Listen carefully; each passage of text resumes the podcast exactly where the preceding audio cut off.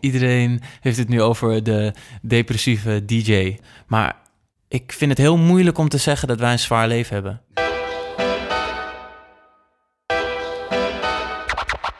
Welkom bij Studio De Wit. Hallo en welkom bij Studio De Wit, de podcast waarin ik praat met de interessantste Nederlandse popartiesten van nu. In deze tweede serie ga ik op bezoek bij muzikanten die hun oog scherp gericht hebben op het buitenland. Hoe vinden ze hun weg? Waarom is het ze gelukt? En wat zijn hun dromen en frustraties?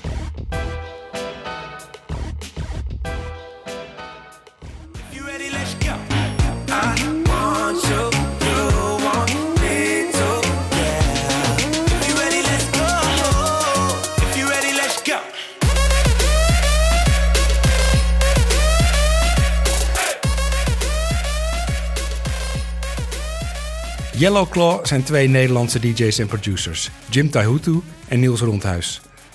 Vroeger was Busy de MC van de groep en waren ze met z'n drieën. Maar Niels en Jim maakten toch altijd samen de muziek en nu doen ze het dus zonder Busy on stage. Sterker nog, momenteel doet Yellow Claw het even helemaal niet, want Jim is ook filmregisseur van Rabat samen met Victor Ponte en daarna Wolf, twee van mijn favoriete Nederlandse films van de afgelopen tien jaar. En momenteel neemt Jim in Indonesië zijn derde speelfilm op. Hij zou nog best wel eens herkend kunnen worden in Indonesië, want Yellow Claw is daar heel groot. Net als in China, Zuid-Korea, Mexico, de Verenigde Staten en half Europa trouwens. Sinds een jaar of vijf is Yellow Claw een van de grootste dance acts ter wereld. Niels Rondhuis van Yellow Claw is, kortom, een van de bekendste DJ's van Nederland, wiens naam je misschien niet eens kent. En hij ontving ons met een pot thee in zijn best wel mooie huis in het centrum van Amsterdam. Om te praten over pionieren in Amerika, ledlampen in Chinese clubs en schrijven voor Rihanna. Hey Niels, ik zat me vanmiddag te bedenken dat jij eigenlijk misschien wel een van de bekendste DJ's van Nederland bent, wiens naam heel veel mensen helemaal niet kennen. Omdat je als Yellow Claw, lid van Yellow Claw opereert. Ja. En je bent niet Nicky Romero of Afrojack, maar je speelt wel voor zulke grote eh, menigte natuurlijk. Ja, klopt. Dat is misschien wel zo. Ik heb natuurlijk ook een hele, hele niet... eh, ja, mijn naam is echt totaal niet showbiz. Niels Rondhuis. Ja, het is gewoon, het is gewoon die boer uit, eh, uit de Middenbeemster of zo, weet je wel. En je was ooit echt een pure hip-hop DJ? Ja, zeker. Ja, ik ben echt begonnen met... eh, ik hoorde hem laatst nog in de winkel. Ik was ergens in de winkel, hoorde ik na, eh, Naas, I Can. Met die... Met die Furelise sample erin. Dat soort dingen draaide ik dan. En eh, oude Snoop Dogg platen. Daar was ik echt naar op jacht. Echt op vinyl ook. Dus ik moest dat nog allemaal bij Rhythm Import bij elkaar zoeken en zo. En dan hebben we het over begin jaren nul. ja, ik was toen eh, 16, 17. Verkocht ik mijn brommer. Dat weet ik nog wel. En toen haalde ik die draaitafel of zo. Ik weet niet meer hoe oud. Nou, dan, dat moet het echt eind jaren 90 geweest zijn als je nu 31 bent. Ja. En, en via die hip-hop heb je ook eh, Jim Taihutu, je partner in Yellow Claw, ontmoet. Ja, want, want toen we nog zoveel... ehm, toen we echt nog gewoon hip-hop draaiden. En eh, ik draaide eerst gewoon natuurlijk alleen. En toen eh, op een... Volgens mij op een zondagavond van Enter Dexter nog in de Jimmy Woo. Ik weet nog, ik was altijd een beetje een nieuweling, zeg maar. Maar ik, ik, ik, ik werd wel vaak door hen geboekt en ik was daar veel aan het draaien. En toen was er een soort ehm, eh, vijfjarig bestaan. En toen was, wa- was gewoon iedere DJ uitgenodigd om te komen draaien. En toen moest ik met Jim samen draaien. En dat weet ik nog. En dat was best wel tof. Ook omdat hij gewoon, hij had ook echt alle, alle pleasers altijd in zijn set. Hij was niet een soort, hij ging niet op zoek naar een soort nieuwe dingen. Hij had gewoon een paar van die combinaties die gegarandeerd succes opleveren in de club. En dat vond ik heel grappig. En eh dan gingen we gewoon, ja, we hebben echt, echt platen staan rammen om de 30 seconden daar met z'n tweeën. Maar jij was En- toch een iets ander soort DJ. ja, ik was wel echt. Kijk, Jim had bijvoorbeeld, dat vond ik in het begin ook heel interessant. Dacht ik, hè, heb jij geen draaitafels thuis? Ik was echt een DJ. Oh, wat heb ik langs aan oefenen. Tot ik het, tot, weet je, tot ik het door had. En toen één CD-speler erbij. Toen het net helemaal begon. Toen een Pioneer erbij. Echt, weet je, alles bij elkaar gewerkt. En om die apparatuur te hebben. En ja, ik was gewoon elke dag aan, aan het oefenen, aan DJ'en. En Jim totaal niet. Jim die, eh, die had vroeger wel vinyl, maar die was op een gegeven moment naar Amsterdam verhuisd en die had echt geen cd-spelers thuis. Die, die ging gewoon naar de club en die ging gewoon draaien. En, eh, en ik was altijd wel op zoek naar weer nieuwe platen, nieuwe combinaties. En dat vond ik wel grappig, dat hij, ja, voor hem was het echt voor de bij. En voor mij was het echt, ja, ik wilde echt heel goed zijn. Echt bloedserieus. Eh, misschien moeten we even nu zeggen waarom ik alleen met jou aan het praten ben. Eh, dat is niet omdat Ja. ik geen interessant persoon vind, maar jullie zijn natuurlijk eigenlijk een duo. Jim zit al een paar maanden in Indonesië, waar hij eh, zijn nieuwe speelfilm gaat opnemen. Ehm, hij, in Nederland is hij misschien wel net zo bekend als filmregisseur als van Yellow Claw. Dus de, en de aandacht gaat vaak naar hem uit en wat minder vaak naar jou. Vind Ja. jij dat wel prettig? Of eh, vind je het nu leuk om eigenlijk een keer eh, de solo-show te doen? Nee, he- nee, helemaal niet. Als iets ehm, goed zit tussen ons, dan is dat het misschien wel. Wat misschien wel de reden is waarom duo's en bands en, en, en ja, dat soort verzamelingen mensen vaak uit elkaar vallen, is dat bij ons echt totaal niet eh, van belang. Eh, ja, klopt. Hij is met zijn film eh, in Nederland en is hij, staat hij in de spotlight. Maar heel vaak ook niet als hij natuurlijk gewoon met Yellow Claw bezig is. eh, anderhalf jaar, twee jaar lang. Dan pakt hij weer een filmproject op en dan vind ik ook grappig. Want dan, oh ja, dan is hij opeens weer op tv. En dan, weet je, dan is de première in Tuschinski. En dan nou, hij heeft natuurlijk, eh, hoe heet het, praatprogramma gedaan. Weet je wel, Zomergasten. zomergasten gedaan, dat soort dingen. En dan, ja, dan pak ik ook de krant op en dan lees ik ook over hem. Dat vind ik gewoon grappig. Maar hij pakt, hij pakt net zo makkelijk eh, de, de tweede plaats soms eh, op het podium als we staan te draaien of zo. Wat betekent dat, de tweede plaats? Nou, nou, in de zin van gewoon... ehm, Dat hij jou alles laat doen. Nee, we zijn nu een duo natuurlijk al, een eh, anderhalf jaar, misschien al wel wat langer inmiddels. En eh, de show, trio, ja. ja, de, de show is, is qua, ehm, eh, qua formule heel erg veranderd. En waarin ja, heel natuurlijkerwijs ik heel veel of veel meer ging hosten. Eigenlijk deed ik het vroeger natuurlijk niet. Daar hadden Busy deed dat Daar hadden we iemand voor. Ja. Juist. Ehm, en dat ben ik toen heel veel gaan doen. En dan automatisch, ja, dan trek je ook de show wat meer naar je toe. En daar is echt, eh, daar is nul discussie of zo over. Wij zijn echt volledig comfortabel. Het, het doel is gewoon Yellow Claw doen. En muziek kunnen maken en daarmee de wereld toeren. En daarmee heel goed zijn. En succes hebben. En dat is eigenlijk wat wij doen. Dus dat is, dat is grappig dat je dat zegt. Maar het is echt... Nee, wij gunnen elkaar echt allebei, wat dat betreft, alles. Niettemin ligt Yellow Claw nu wel stil, nu Jim niet dat kan doen. Ja, dat is zo. Maar Je, dat is, je had ook misschien zelf kunnen gaan draaien onder de naam Yellow Claw. Ja, hebben we het over gehad. Ja, Jim was de eerste die dat zei van... hey, wil je nog boekingen gaan doen? Ja, wetende dat ehm, wij echt vijf jaar lang non-stop hebben gedraaid. Tuurlijk, we namen af en toe eh, een eh, paar weken vakantie in januari. Maar daar is het echt wel mee gezegd. En we jaar in, jaar uit...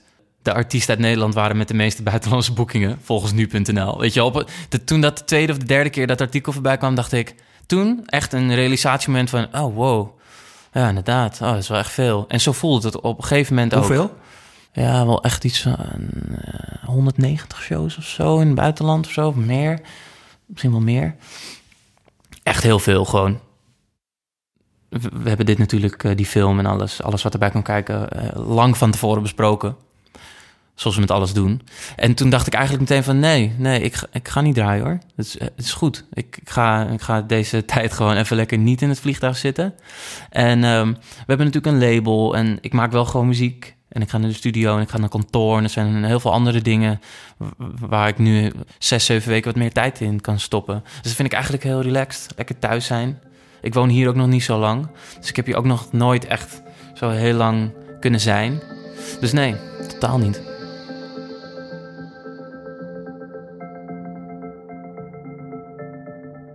Niels en Jim komen allebei dus uit het R&B en hip-hop wereldje, waar ze in de Amsterdamse Jimmy Woo een eerste vaste stek vonden. Daar komt trouwens ook de naam vandaan. Jimmy Woo was een slechterik in de kortstondige Marvel Comics serie Yellow Claw uit de jaren 50. Yellow Claw werd in Nederland bekend met Nederlandstalige raphits als Croco Bill en Allermooiste Feestje. met rappers als Sjaak, Mr. Polska en Ronnie Flex. En er was begin jaren 10 geen club in Nederland waar ze niet de tent afbraken. Je zou dus kunnen zeggen dat ze hartstikke lekker gingen in Nederland. En er geen directe noodzaak was om het dus over de grens te proberen. Toch heb je heel duidelijk ehm, met Shotgun een soort van overstap gemaakt Niet alleen van rap naar gezongen popliedje, maar ook naar Engelstalig en internationaal. Was dat een heel gecalculeerde move?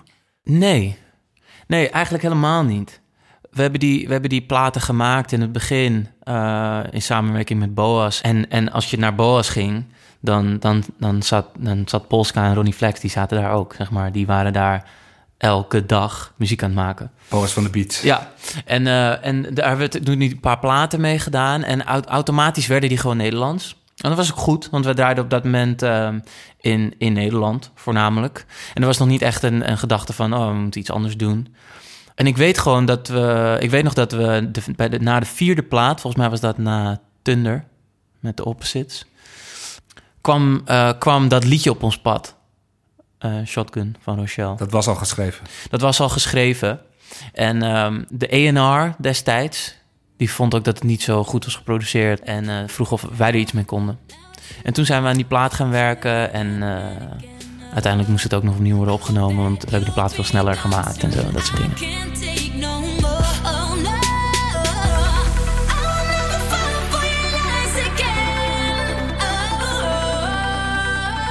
En die, dus die plaat kwam gewoon op ons pad. En ik weet ook nog dat, dat Jim een beetje twijfelde over die plaat. Van, hmm, die voelde ik niet zo. Op een gegeven moment toen de productie was, wat verder was en die, en die drop erop zat, die opeens heel uniek was voor in onze oren.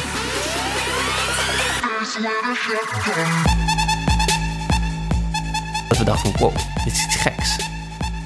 Wat was het gekke eraan? Ja, dat, die, die korte sintjes en die Indianen symbol loop op de achtergrond. De hele clean 808's eronder. Ja, dat werkte. Er zat helemaal niet zoveel in. Maar het werkte heel goed. Zonder dat het liedje ooit op die manier is geschreven, werkte het gewoon heel goed in die korte eh, elektronische structuur van eh, intro, eh, die vocaal in een break, opbouw. En dat werkte gewoon allemaal supergoed. Een soort remix van de demo. Ja, eigenlijk wel. Maar ja, niemand kende het origineel natuurlijk. Dus het is uiteindelijk een origineel geworden. Dus ik weet dat Jim daar nog wel wat twijfels over had. Uiteindelijk zijn we het toch gaan doen. Groot uitgepakt met de video ook. En dat was op dat, was op dat moment ons grootste medium. Daar, daar, De videoclip. de videoclip, daar ging het om. En met ja, echt gewoon een miljoen views in, weet ik veel, een week, twee weken Was dat zo. dankzij Jim's achtergrond als filmmaker? Moeilijk te zeggen, maar ik denk, denk het wel ergens. Want hij, hij wist wel echt een budget tot het ultieme te stretchen. Dat soort dingen kwamen, kwamen heel makkelijk. Ik denk dat dat absoluut daar aan eh, bijgedragen heeft. Maar was Yellow Claw toen jullie met Shotgun bezig waren echt nog een puur Nederlandse act? Of hadden jullie toen ook al bui- in, buiten, in het buitenland enige... Nee, Nee, helemaal niet. Nee. nee, we draaiden gewoon in Nederland. Maar je zegt het kwam min of meer toevallig op ons pad. Waren jullie wel van plan om naar het buitenland te gaan? Of ah, leefde dat eigenlijk niet? Nee, want nee, we hebben dit niet, we hebben het niet heel erg van tevoren. Klinkt een beetje alsof je toevallig een internationale mega-act bent geworden.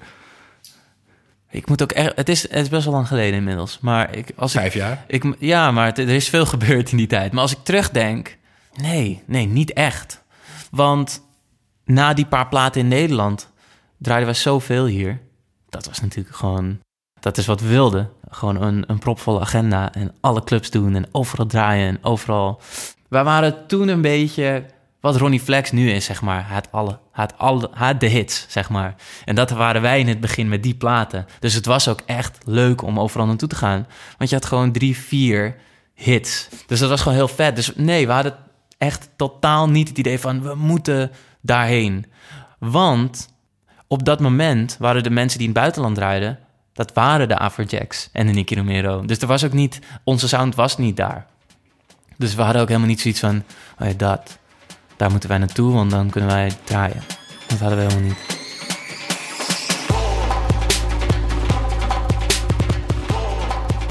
Yellow Claw staat in de DJ Mag Top 100, net als alle bekende Nederlandse EDM-kanonnen.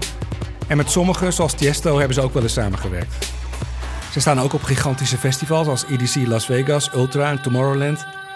Maar op de een of andere manier maken ze ook niet echt deel uit van die wereld. Als andere artiesten als Yellow Claw klinken, komt dat omdat Yellow Claw de trend zet. Hun trap, dance, pop hybride die zo goed aanslaat, is inmiddels veel gekopieerd.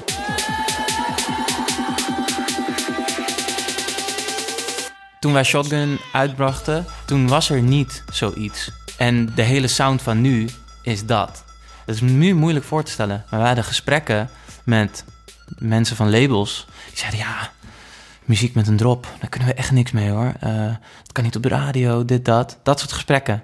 Ik heb die e-mails ook nog. Het is dus echt, als je dat nu terug, kan je dat niet meer voorstellen. Want elke track heeft een drop. Ik bedoel, Lean On. Ik bedoel, 2 miljard streams op Spotify nu, weet je. Dat is vier, vijf jaar verder was dat. Major Lazer. Major Lazer. ehm, dus dat is niet, dat is, dat, dat, en dat is helemaal daarheen gegaan. Dus ik heb eigenlijk niet zoiets van, wij zijn, wij zijn naar IDM. Nee, IDM is geworden wat wij toevallig tof vonden en waren gaan doen. Dus de timing was eigenlijk wel perfect. Want het was een soort van... Ja, ik denk dat wij nog nooit zo'n perfecte timing hebben meegemaakt van iets. Dat kan je wel zeggen. Misschien zelfs, misschien nog een jaar te vroeg. Maar daar, dat heeft ons natuurlijk ook een heleboel gegeven. Dat heeft ons gegeven dat, dat je een voorloper bent en dat je wat toffer bent. En weet je wel, dat je dat durft te doen. Mhm. Dat soort dingen. Die, die, ik bedoel, Shotgun, die heeft het, die heeft het natuurlijk supergoed gedaan. En dat kwam tot een eh 100, 110, 120 miljoen views op YouTube. Wat natuurlijk echt gigantisch is. Maar bijvoorbeeld die Chainsmokers platen, zeg maar... die daar overheen zijn geramd, zeg Een maar. paar keer. Ja, precies. Dat is gewoon... Dat is een paar jaar later gebeurd, zeg maar. Vind je dat jullie die erkenning hebben gekregen die je vindt dat je verdient? Nou, grappig.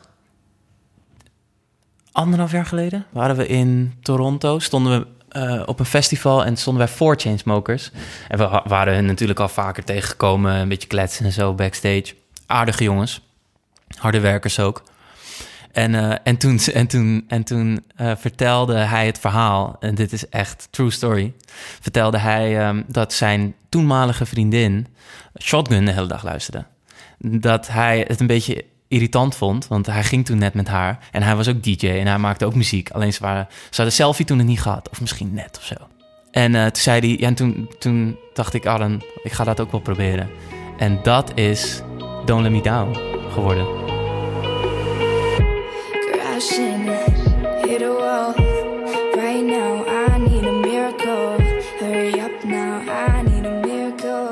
Jim en ik zaten, eh, zaten met hun twee ergens buiten en vertelden dat. En toen dacht ik echt, wauw. Dit is, ik bedoel, we hebben daar wel eens over gehad. Tuurlijk, want je herkent heel veel qua structuur, qua hoe dit is opgebouwd, alles.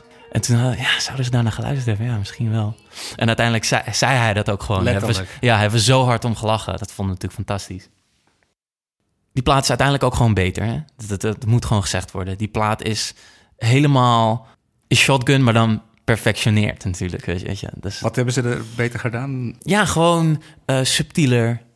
Subtielere opbouw. Er zit een gitaar in. Dus ze hebben nog wat meer pop gepakt. En ze hebben nog wat meer hardheid ingeleverd. Ik vind die bridge ook heel goed die daarin zit. Die brengt het nog net, die geeft het nog net wat extra. Maar dat is best wel een grappig verhaal, toch? Ja. Eh, dus, die shotgun, Smeuig. Dus- Smeuig verhaal wel. dus die shotgun gaat over de 100 miljoen views heen. Dan zit je ineens... Dat zijn geen Nederlanders meer. Nee. Dat kan gewoon niet, want zoveel eh, zijn er niet. Er werd toen veel geluisterd in Amerika. Volgens mij. Ja. En waar jullie nog nooit gedraaid hadden? Nee. Vonden we ook heel irritant op een gegeven moment. Dachten we, waarom... Dus iedereen draaide onze plaat ook op een gegeven moment daar. Die andere Kijk, DJ's. het is, het is mooi misschien om uit te leggen... dat naast die, naast die Nederlandse platen en naast Shotgun... tussen al die platen kwamen heel veel trap-achtige producties uit op onze Soundcloud. Wat toen het medium was waar je je muziek op zette. Ja. Ehm, die werden er allemaal doorheen gevlochten. Dus Nooit meer slapen kwam uit, maar daarna kwamen er nog vijf platen uit. Maar daar, Van de Yellow Claw. ja, maar dat, dat was gewoon... Dat waren gewoon clubplaten, dat waren gewoon eh, instrumentale trap dingetjes, dat waren remixjes, onofficieel, dat soort dingen. En daar hadden we ook echt al wel zo'n 100, 150.000 volgers op Soundcloud. Dus wij kwamen er op een gegeven moment achter dat jongens zoals Diplo en Flosser Dames echt een beetje, die toen ook echt die sound aan het pionieren waren in hun set, dat hun onze platen draaiden. Maar wij waren daar niet aan het draaien. En ik weet nog een keer Ultra, nou dit moet echt zes jaar geleden zijn of zo, dat er gewoon echt veel platen van ons werden gedraaid. En, en wij dachten, oké, fuck. In Miami. Ja, in Miami. Waarom, waarom mogen wij daar dan niet draaien?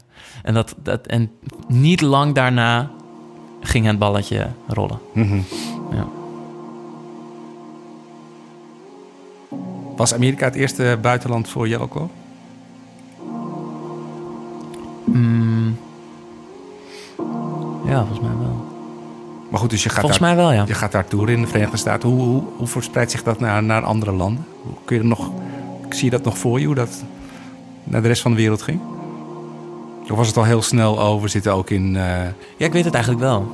Ik denk, als ik het goed zeg hoor, ik denk dat het Shotgun hadden we gedraaid. Toen, daar, die plaat die daarna kwam was, of de grote plaat die daarna kwam, was Still It Hurts. En die draaiden wij toen in Thailand, die video. En dat was eigenlijk de reden, denken wij, dat die plaat het enorm werd opgepakt, ook in Thailand. Die was ze het zo- leuk vonden omdat ze zichzelf in die ja, clip zagen? Ja, die plaat, die plaat was gewoon wel op, op bekende plekken in eh, Bangkok eh, gefilmd. En, maar van alles een beetje. Dat, eh, die muziek, houden ze daar echt van. Van die schelle popplaten, zeg maar. Daar kwamen, we, daar kwamen we achter en toen, dat is ook heel erg naar in. En toen ging dat er volgens mij ook wel redelijk snel naar Indonesië. Ja, het mooie is tegenwoordig, dat je ziet dat natuurlijk gewoon allemaal in de stats. Je, je kijkt gewoon waar dan de grote deel van de views vandaan komen. Wij hebben ook hele specifieke platen die het dan super goed doen in Indonesië bijvoorbeeld.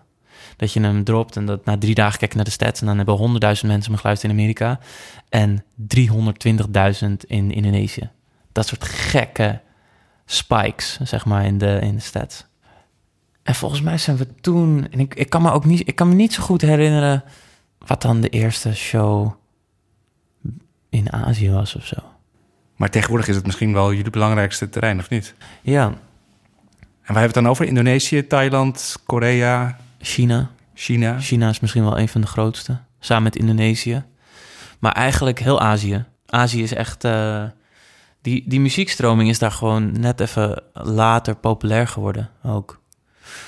Dus wat we in Amerika deden, een jaar of twee, drie, dat werd daarna pas een beetje serieus in, in Azië. En eigenlijk nu pas sinds een jaar echt in China. Daarvoor ook, we zijn er eerder heen gegaan. Maar het verschil tussen de eerste tour en de derde tour was echt was gewoon bizar. Ja, Wij stonden, ik weet nog goed dat we, dat, dat we dan vier, vijf shows in China deden voor de eerste keer. En dat niks klopte. Het geluid klopte niet. De, boot was, de, de boots waren allemaal gemaakt voor kleine mensen. Eh, elke show weer. De microfoons werkten niet. Allemaal echt dat je denkt van wauw. En toen, ik weet nog goed, toen kwamen we daar terug. Twee keer zoveel shows ook. Twee keer zo groot alles.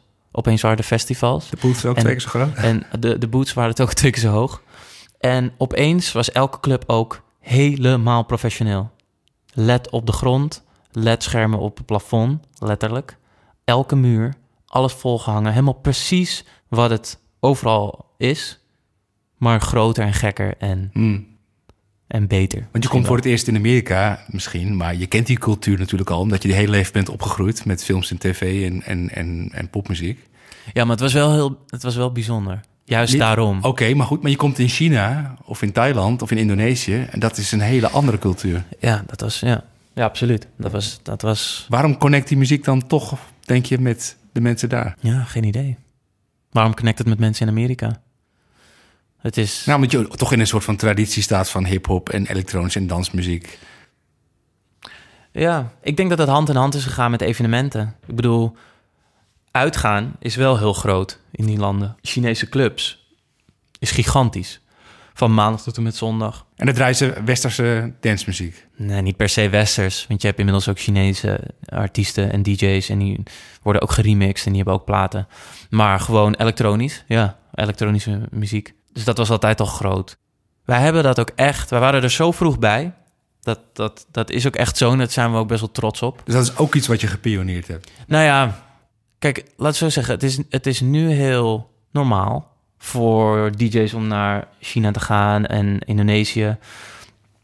Wij, ja, wij gingen daar wel echt een beetje wat vroeger heen. En dat kwam vooral omdat wij gewoon heel erg van het land hielden en daar al op vakantie gingen. Dus wij konden ook, oh, we gaan twee, drie weken daarheen. En dan kunnen we ook wel een radio-interviewtje doen, combineren en op Bali een keer draaien. En dat deden we een keer. En toen stond het, stond het daar helemaal vol in plaats van met toeristen. Mhm. Met gewoon 3000 lokale mensen, Indonesiërs. En toen, toen, dat was eigenlijk een beetje het begin dat we dachten, oh ja, dit, hier, hier zijn we dus ook best wel populair. En dat was toen echt kleinschalig, veel kleinschaliger als nu. En ik, ik denk dat we, ik weet het natuurlijk niet zeker, maar Jim en ik denken dat we allebei daarom wel ja, heel veel liefde krijgen van de fans van onze muziek en elektronische muziek in het algemeen daar. Omdat we er gewoon al best wel vroeg waren en altijd heel veel interesse hebben getoond in, eh, in die landen.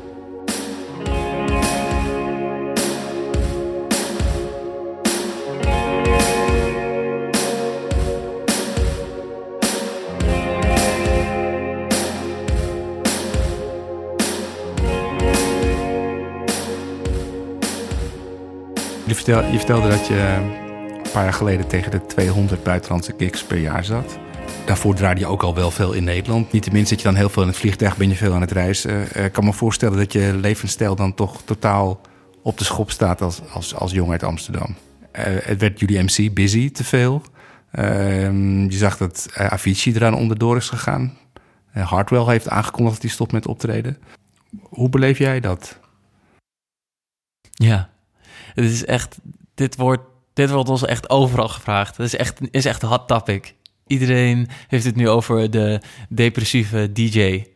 En ja, het is natuurlijk allemaal echt heel kut. Wat er met eh, een jongen als is gebeurd. En zeker wat, zeker wat DJ's rondom ons heen die wel echt eh, zeg maar gestopt zijn met toeren. En eh, dat is natuurlijk allemaal pittig en, en heel vervelend voor hun. Maar ik vind het heel moeilijk om te zeggen dat wij een zwaar leven hebben. ja, Dat vind ik heel moeilijk. Daar ben ik te nuchter voor.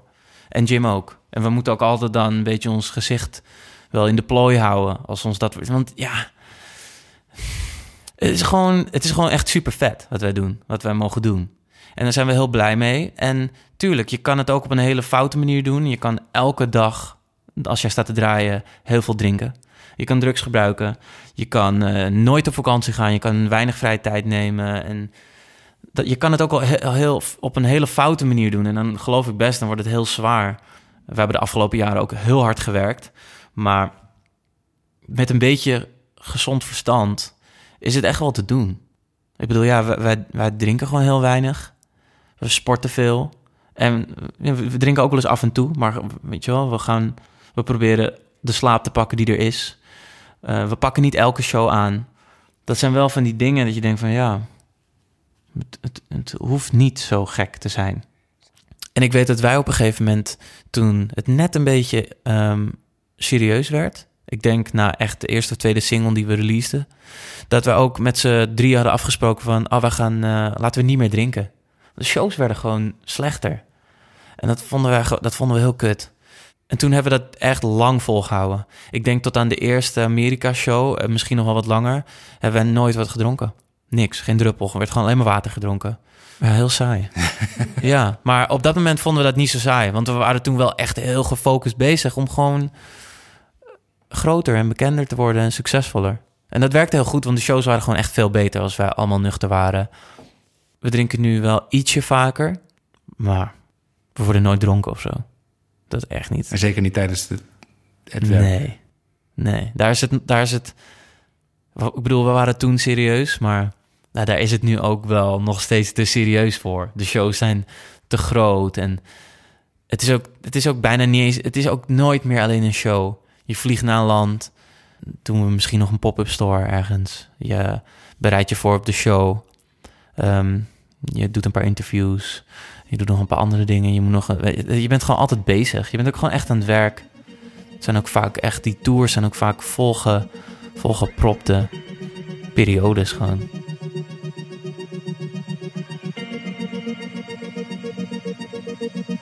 I don't know why, but this feels like summertime. Out late at night, with you standing by my side. Maybe it's the lights, or the warmth that your skin and mine.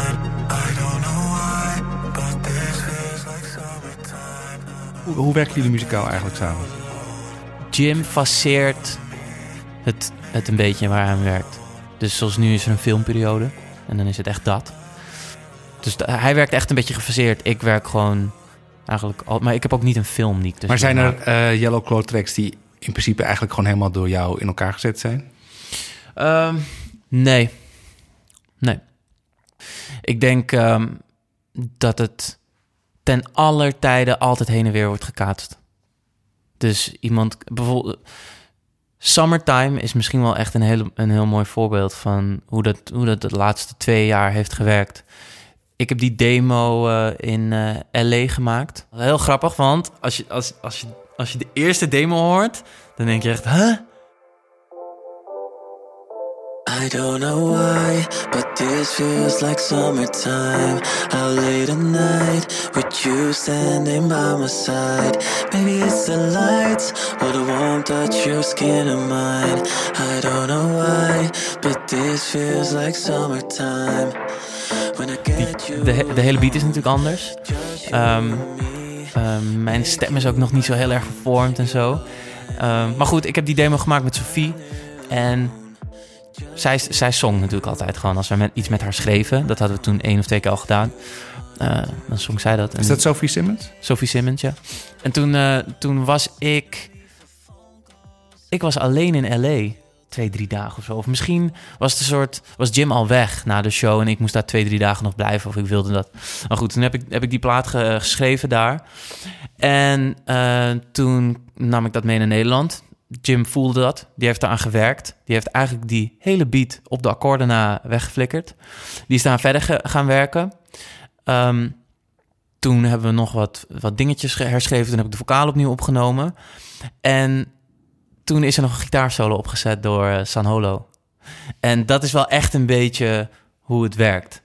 Dus iedereen gooit zijn saus erop. En als dat ook niet zou gebeuren, dan, eh, dan, eh, dan zou het denk ik niet hetzelfde zijn. Want, want Jim is gewoon precies goed in waarin ik niet goed ben. Namelijk, hoe zou je dat omschrijven? Mm, ik ben veel technischer als het aankomt op produceren en veel meer met dingen als beats en zo bezig en gekke geluiden. En Jim is muzikaal veel beter onderlegd dan ik. Dus die denkt vaker vanuit een goede structuur van akkoorden dan wel arrangeren van een plaat. En die kan, kan soms ook echt iets eruit halen wat heel dom is dat dat erin zit. Maar ja, waar wij dan overheen, of weet je wel, waar ik en andere mensen dan overheen luisteren. En hij dat er in één keer uithaalt, zeg maar. Dus ja, daarin zijn we gewoon eh, ja, zeer complementair. Dus dat is wel handig. Ja, ik weet toevallig, en als je niet wil dat dit bekend wordt, dan moet je het maar zeggen, dan halen we het eruit. Dat jullie wel eens in zo'n writerskamp ding voor Rihanna hebben gewerkt. Ja, klopt, ja. Waar niks uitgekomen is. Nee, uiteindelijk hebben we die platen allemaal zelf eh, uitgebracht. Is dat iets wat je zou willen, echt met een grote popster? Ja, dat weet ik niet. Ik, ik, ik denk voor, en ik weet het eigenlijk wel zeker, voor een producer en voor een, eh, ja, voor een producer is, het, is dat niet de kick. De kick is niet voor mij specifiek om een nummer met Rihanna te maken. Als het uiteindelijk zou lukken, zou het heel vet zijn natuurlijk. En het is natuurlijk een gigantische medaille voor je werk.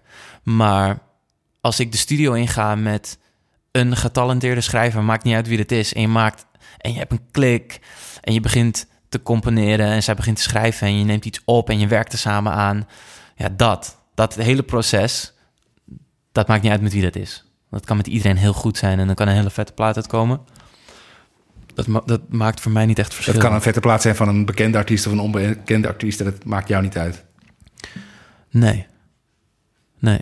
Want dan is het proces toch helemaal uit je handen ook inmiddels tegen die tijd. Ja, het is niet alsof Rihanna die plaat komt inzingen bij de studio. Weet je wel, zo werkt dat niet. Dat hele album wordt samengesteld. En ze gaat een week naar een studio ergens in New York of wherever. En zij zingt alles gewoon in één keer in. En ze gaat weer doen. Weet je, haar tijd is veel te kostbaar. Mhm. Dat werkt anders op dat level. Grappig. Ehm, dat is toch weer een... Wist je dat niet? Nou, ik wist niet dat het zo eh, anoniem werd. Ik heb, ik heb ook wel overigens verhalen over Beyoncé. Dat ze dan zes verschillende studio's tegelijkertijd heeft runnen... maar dan wel gewoon zelf daar rondloopt en dingen... Ja, ze heeft ook gewoon schrijvers aan het werk. Haar grootste hits zijn door The Dream geschreven. Daar zit ze echt niet naast. Zo werkt dat gewoon niet. Nee. Ja, dat, dat, dat weet je dan op een Maar goed, maar die hele internationale... eh, In het, in het Engels had ik hier ook had ik over dit dingen ook niet echt zo een boekje open gedaan, denk Hmm. ik. Waarom is dat taboe? Nou, het is niet taboe, maar ja, dat is gewoon andermans zaak. of Zo. Dat zou ik niet. Ik zou niet iemand anders ongewild willen exposen. Maar hier, ja, zo voel ik dat niet hier. Zo. Nee, oké. Maar dat is natuurlijk wel hoe Ik die... denk niet, met alle respect naar jouw podcast, denk ik niet dat Rihanna... denk ik niet dat Rihanna deze podcast gaat luisteren, Job. Als jij andere ideeën daarover hebt, zeg het mij. Rihanna, you know how to get in touch with me. Nee, maar je snapt wat ik bedoel, toch? Ja, tuurlijk. Ja. Heel hard moest jij lachen. Thanks. Thanks. Maar goed, eh, eh, dance producers worden wel heel erg in dat circuit gevraagd om mee te werken. Ik bedoel, eh, Sesco, een artiest die heel veel op eh Baron Family heeft uitgebracht... die heeft ook een plaat met Justin Bieber, met David Guetta. Ik bedoel, zo kan het lopen. Dat levert ook weer een hoop... Ik weet niet wat het oplevert, geld in ieder geval. Ja, niet per se boekingen. Ja, wat, is de, wat is de vraag precies? Nou ja, ik bedoel, het, het, het- de achter de schermen gebeurt er zo verschillend, zoveel, zoveel wat aan het, zich aan het zicht onttrekt. Ja. Nou, ja, laat me zo zeggen. Er is... Waarom is, het een, waarom is er een soort taboe over dat soort dingen? Omdat ergens vanuit waar de elektronische muziek opkwam... is de gedachte... Oh, dat is één jongen achter een laptop die muziek maakt. Maar van oudsher, een, muziek, een, een, een liedje dat wordt gemaakt... is een band in een studio. En iemand is een gitaar aan het opnemen... en iemand maakt... Iemand is drummer en iemand schrijft en iemand zingt. En dus een, een liedje eh, eh, werd altijd met meerdere mensen gemaakt. Op een gegeven moment was dat een soort... eh, met, toen de producers en DJ's opkwamen, was dat, was dat opeens nou dan of zo. Dat iemand dan meewerkte aan Ja, aan ik weet nog dat heel goed dat er heel erg werd geschamperd over jullie eerste hit van... oh, dat heeft Boas van de Beats allemaal gedaan. Ja, terwijl ja, ik wist niet hoe je moest, ik wist niet hoe je, hoe je moest mixen, hoe je moest masteren. Maar we hadden wel een idee van hoe iets moest klinken. En we wisten ook wie we daarop wilden hebben. En we wisten ook niet, we wisten niet hoe we een vocaal moesten opnemen. Snap je? Dat zijn dingen. En ik bedoel, Quincy Jones. Dat is gewoon, dat is de producer, maar, maar die bracht de mensen in de studio. Die pakte niet het gitaar op en die speelde dat in. Dus ergens is, denk ik ook dat het een bepaalde onwetendheid is. Dat, dat mensen denken dat, eh, dat ah, de computer is er. Eh, mensen kunnen nu muziek maken met alleen een computer in de box. En dan is dat het. Op bepaalde niveaus, ja, pak de splits er maar bij, zeg maar. Eh, zie je gewoon dat er heel veel mensen meewerken aan, aan platen. En daar is ook echt helemaal niks mis mee.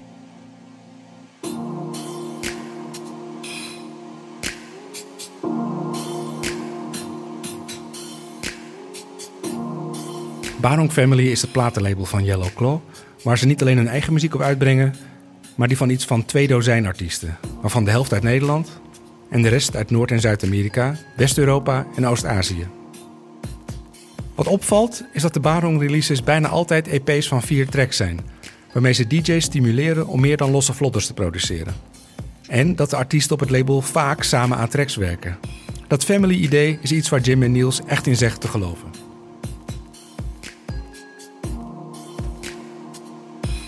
Jullie label heet eh, Barong Family.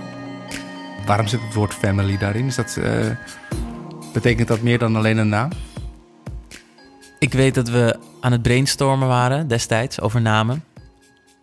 Jim kwam toen met eh, het Barong-idee. Ook omdat hij altijd meteen visueel denkt. Dus hij denkt niet alleen aan de namen, hij denkt ook meteen...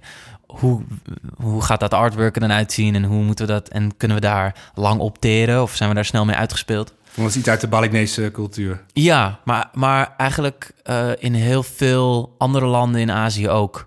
En het, het, het zit bijvoorbeeld ook, het heeft bijvoorbeeld ook betekenis in China. Heeft het ook, heeft het ook bepaalde roots. Eh, dat wordt zelfs een stukje uitgelegd in die nieuwe documentaire. Door een van die Chinese DJ's ook. Ehm, en toen zei Jim eigenlijk, toen zei hij tegen mij, ja, ja ik dacht nog aan eh, Barong Records. Ja, of Barong Family, ja, een van die twee. En toen zei ik eigenlijk meteen, dat is tof. Family is echt, dat is dope. Ook aan de ene kant omdat ik niet het woord records erin wilde hebben. Want dat zo, ja, iedereen heeft dat. Of iedereen had dat toen. En, eh, en ik vond dat family ding vond ik heel tof. Omdat het hele idee van een label kwam vanuit ons. Dat we dachten van, ah, het zou echt vet zijn om een, om een solide groep artiesten te hebben... die allemaal elkaar supporten, remixen... ehm, en hun muziek kunnen uitbrengen op één platform. Dat, is eigenlijk, dat was eigenlijk de gedachte. Zo van, waarom stuurt iedereen het naar Mad Decent of Dimak? Terwijl, In Amerika. Ja, in Amerika. Terwijl, ehm, het is een, ja, wij zijn gewoon allemaal hier in Nederland en heel goed in wat we doen. Waarom blijft het niet hier? Dat was eigenlijk het idee. En daarom vond ik dat Family, denk ik, dat is het. Toen zei hij, oké, vet, cool. En toen zijn we dat gaan doen. En ja, die naam, die is eigenlijk perfect gebleken ook. Omdat we alles wat we doen, heeft daarmee te maken. Dat doen we met dezelfde mensen, we werken met dezelfde mensen. En natuurlijk, er treden, er komen nieuwe artiesten bij. En, en die worden vooral enthousiast van, ze denken, wow, iedereen maakt die muziek met elkaar. Ik kan hem nu gewoon vragen voor een remix. Ik kan een remix voor hem doen. Dat klinkt misschien ik weet niet hoe dat jou in de oren klinkt, maar misschien klinkt dat als iets mm, eh, kleins of niet belangrijks. Maar om als beginnende artiest ergens bij te horen of door te dringen tot iets, kan best wel lastig zijn, zeg maar. En het draait bij het label echt vooral om talent. Want daar worden de mensen die er al bij zitten, worden daar gewoon super enthousiast van. Als iemand gewoon, als iemand binnenkomt bij het label en die heeft vier platen eh, onder zijn arm en die gaan wij uitbrengen en iedereen en iedereen reageert. We hebben zo'n gigantische appgroep natuurlijk in WhatsApp en iedereen zegt what, what the fuck is dat? Weet je wel? Daar worden producers gewoon heel enthousiast van. Ja, dus jullie producers, die DJ's die jullie getekend hebben, die werken veel met elkaar samen, remixen elkaar. Het artwork heeft een heel erg eh, sterke uniforme identiteit. Het risico daarvan is dat Barong Family bekender is dan de individuele artiesten. Ja, soms is dat zo in het begin, maar het is vooral, het is vooral een steeds groter platform aan het worden, wat gewoon een soort springplank is voor die DJ's. Want een artiest zoals Moxie is nu is, is natuurlijk is begonnen op het label, maar qua populariteit eh, ontstijgen zij het label nu bijna. En daar zijn we alleen maar blij om. Ja, Moxie is een duo uit Venlo. Ja. Ze gaan inderdaad heel hard, maar het is niet echt een hele bekende naam nog in Nederland met hits of zo. Nee. En dat geldt wel voor wel meer artiesten bij jullie. Ehm, dat, ze, dat het zich een beetje onttrekt aan het zicht hier in Nederland van wat daar allemaal gebeurt. Ja, het is en blijft niche. Dus wereldwijd is die niche natuurlijk groot, Heel maar groot, relatief in Nederland zullen maar weinig mensen ja, die artiesten kennen. Dat is toch gek eigenlijk? Ja, maar dat, dat geldt, Dat je gewoon over dat geldt overal. om, dat geldt ook in China. wordt op straat naar geldt- Albert Heijn gaat, en, maar dat je dan in het weekend voor duizenden mensen staat. Ja. Maar dat is toch een hele specifieke doelgroep. En ja, die niche is overal. Dus ditzelfde geldt voor Indonesië. Ik bedoel, dat land... eh, Al, ik denk niet eens dat, dat 1% ons daar kent. Misschien net. Dus ja. Dus eh, wat, eh, ehm, Moxie, vertel eens, ehm, teken je dat gewoon op je label en laat je ze hun gang gaan? Of eh, hoe ontwikkel je zo'n talent als het bij jullie binnenkomt? Ehm ligt heel erg aan de artiesten zelf. Hoeveel begeleiding hun willen. Wat ze fijn vinden. Er zijn, er zijn genoeg artiesten op het label die eh, alles zelf op slot hebben. Die, eh, die, die hun muziek maken. Die al ideeën hebben over hoe het artwork eruit moet zien. Natuurlijk binnen de barongstructuur, maar hoe hun dat willen hebben. Moxie is een project waar we altijd wat meer betrokken bij zijn geweest. Dat begon al eigenlijk bij dat wij hun hebben overtuigd om dit te gaan doen.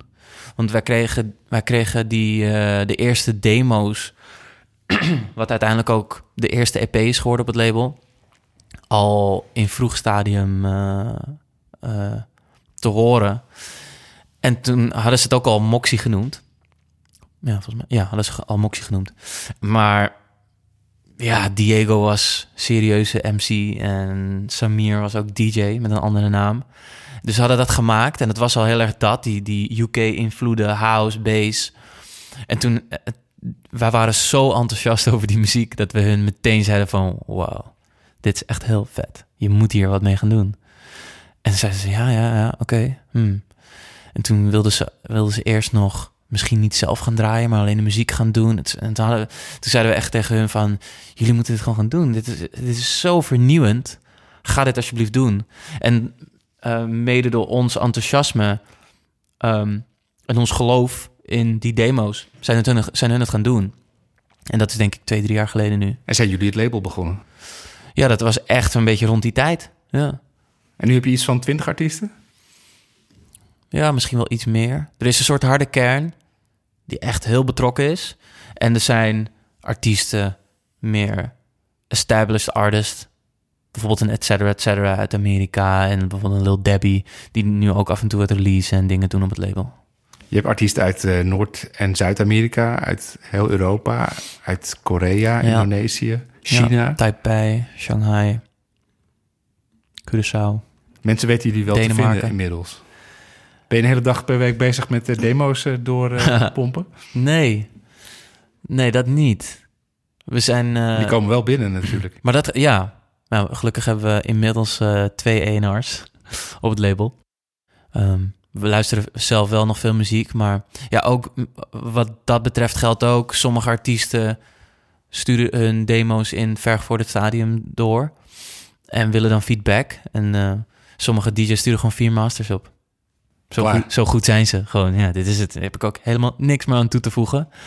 En ehm, bij sommige andere artiesten schaaf je nog een beetje samen.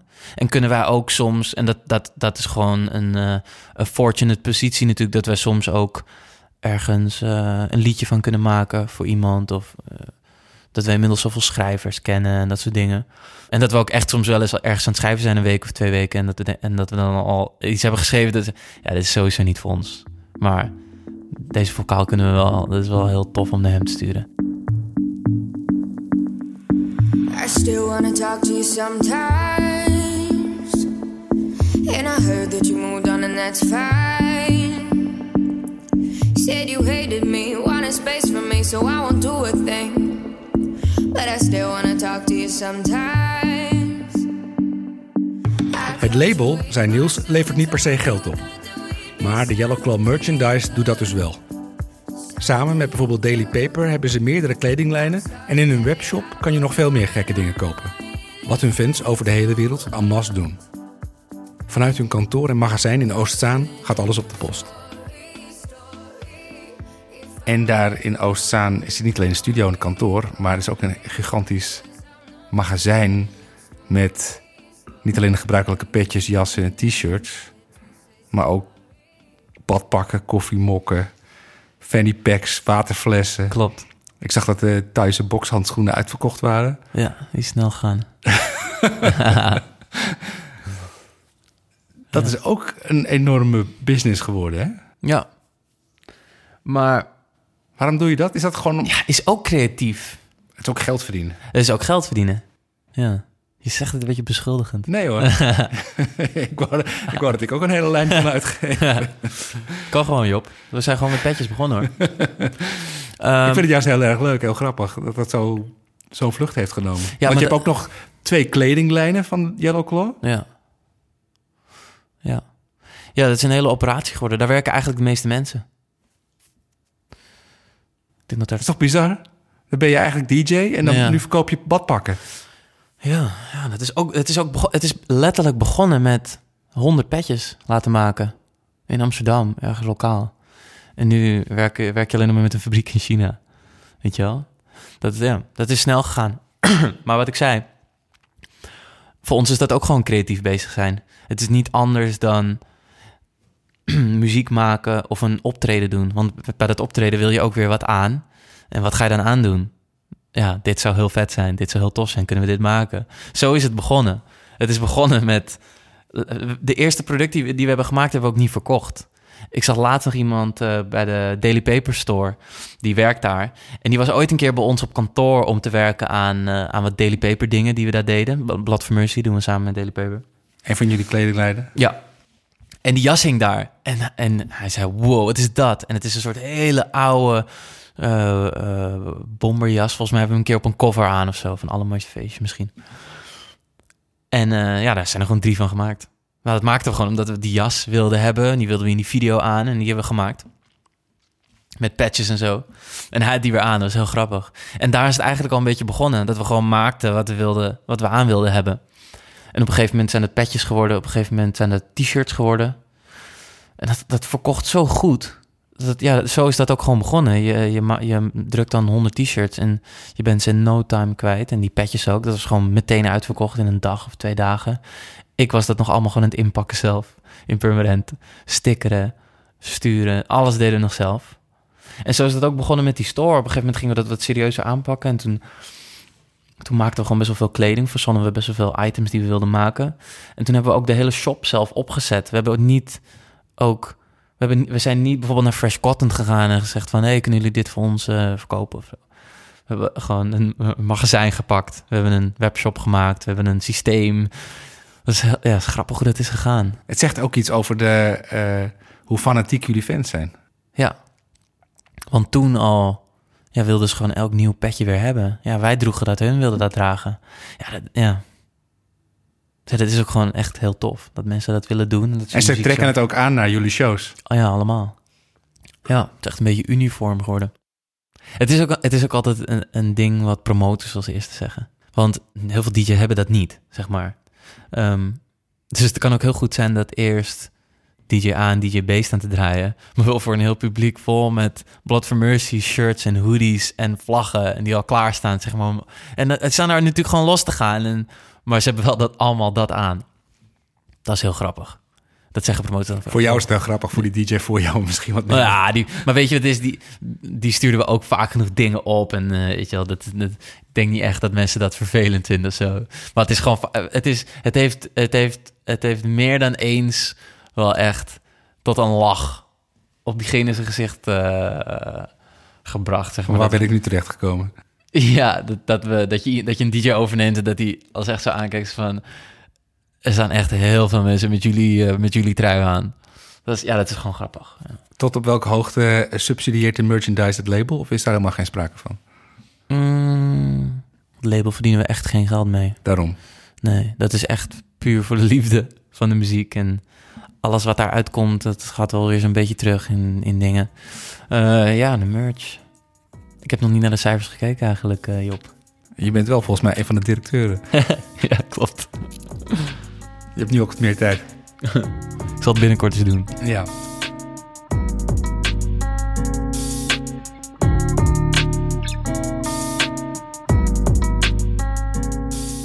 Hoe lang eh, zie je dit nog doorgaan?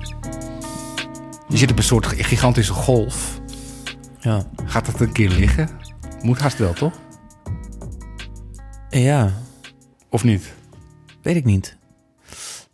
Ik denk, het- is een beetje wat je, hoe je er zelf eh, in staat, wat je zelf wil. Ik heb wel, ja, zoals, zoals alles, hebben we ook dit soort gesprekken met elkaar. Eh, we praten over eh, wat we 2019 gaan doen. En ook hierover hebben we het wel eens over van, ja, hmm, ja misschien een jaar of drie, vier of zo. Maar dan tegelijkertijd, dan hebben we het ook alleen maar over het wel echt wat rustiger aandoen. Kijk, op een gegeven moment is Jim 40 en dan denk ik niet dat hij nog steeds elke maand in een vliegtuig wil zitten. Dat gaat op een gegeven moment weg. Maar de plezier van het optreden en muziek maken en uitbrengen, ja, waarom zou dat opeens weg zijn als je 40 bent? Dat is gek. Dat zie ik niet gebeuren. Dus ik denk gewoon dat het qua formule, zoals het twee jaar geleden is veranderd, dat het misschien over een paar jaar weer verandert. Dat het weer iets anders is. Hoe je erin staat en, eh, en wat Yellow Claw is en doet. Op een gegeven moment heb je, heb je Azië ook gehad. Ja, ja klopt. En dan daar, daar- ik- Afrika? Daar, daar wil ik nog niet aan denken. Gewoon dat dat, weer, dat dat weer over is, zeg maar. Maar dat land is ook... Of dat land, ik denk dan even nu aan China. Maar dat is ook zo in ontwikkeling. Daar staat nog zoveel te gebeuren. En eh, zoveel grote steden. Dat, dat duurt nog wel even voordat we daar uitgespeeld zijn. Ja. Maar inderdaad, Afrika hebben we nog niks gedaan. Dus ja, genoeg terrein eh, te ontdekken.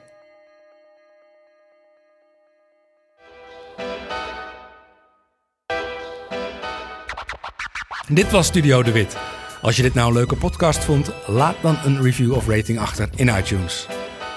Ook nog leuk om te weten is dat Yellow Claw de eerste act was waar zangeres Naas, die van Words, mee samenwerkte. En ze vertelt hierover in het eerste seizoen van Studio De Wit. Een linkje naar die podcast vind je in de show notes. De volgende keer zijn we thuis bij Sophie Winterson, een van mijn favoriete Nederlandse popacts. Een zangeres, songwriter, performer en producer die de laatste tijd een beetje heen en weer pendelt tussen Nederland en LA. Studio De Wit is een productie van Dag en Nacht Media. Regie en montage waren in handen van Lieke Malkorps. De muziek uit alle afleveringen van Studio De Wit, van Naas tot Yellow Claw, vind je ook in onze Studio De Wit playlist op Spotify. Tot de volgende keer. Doeg!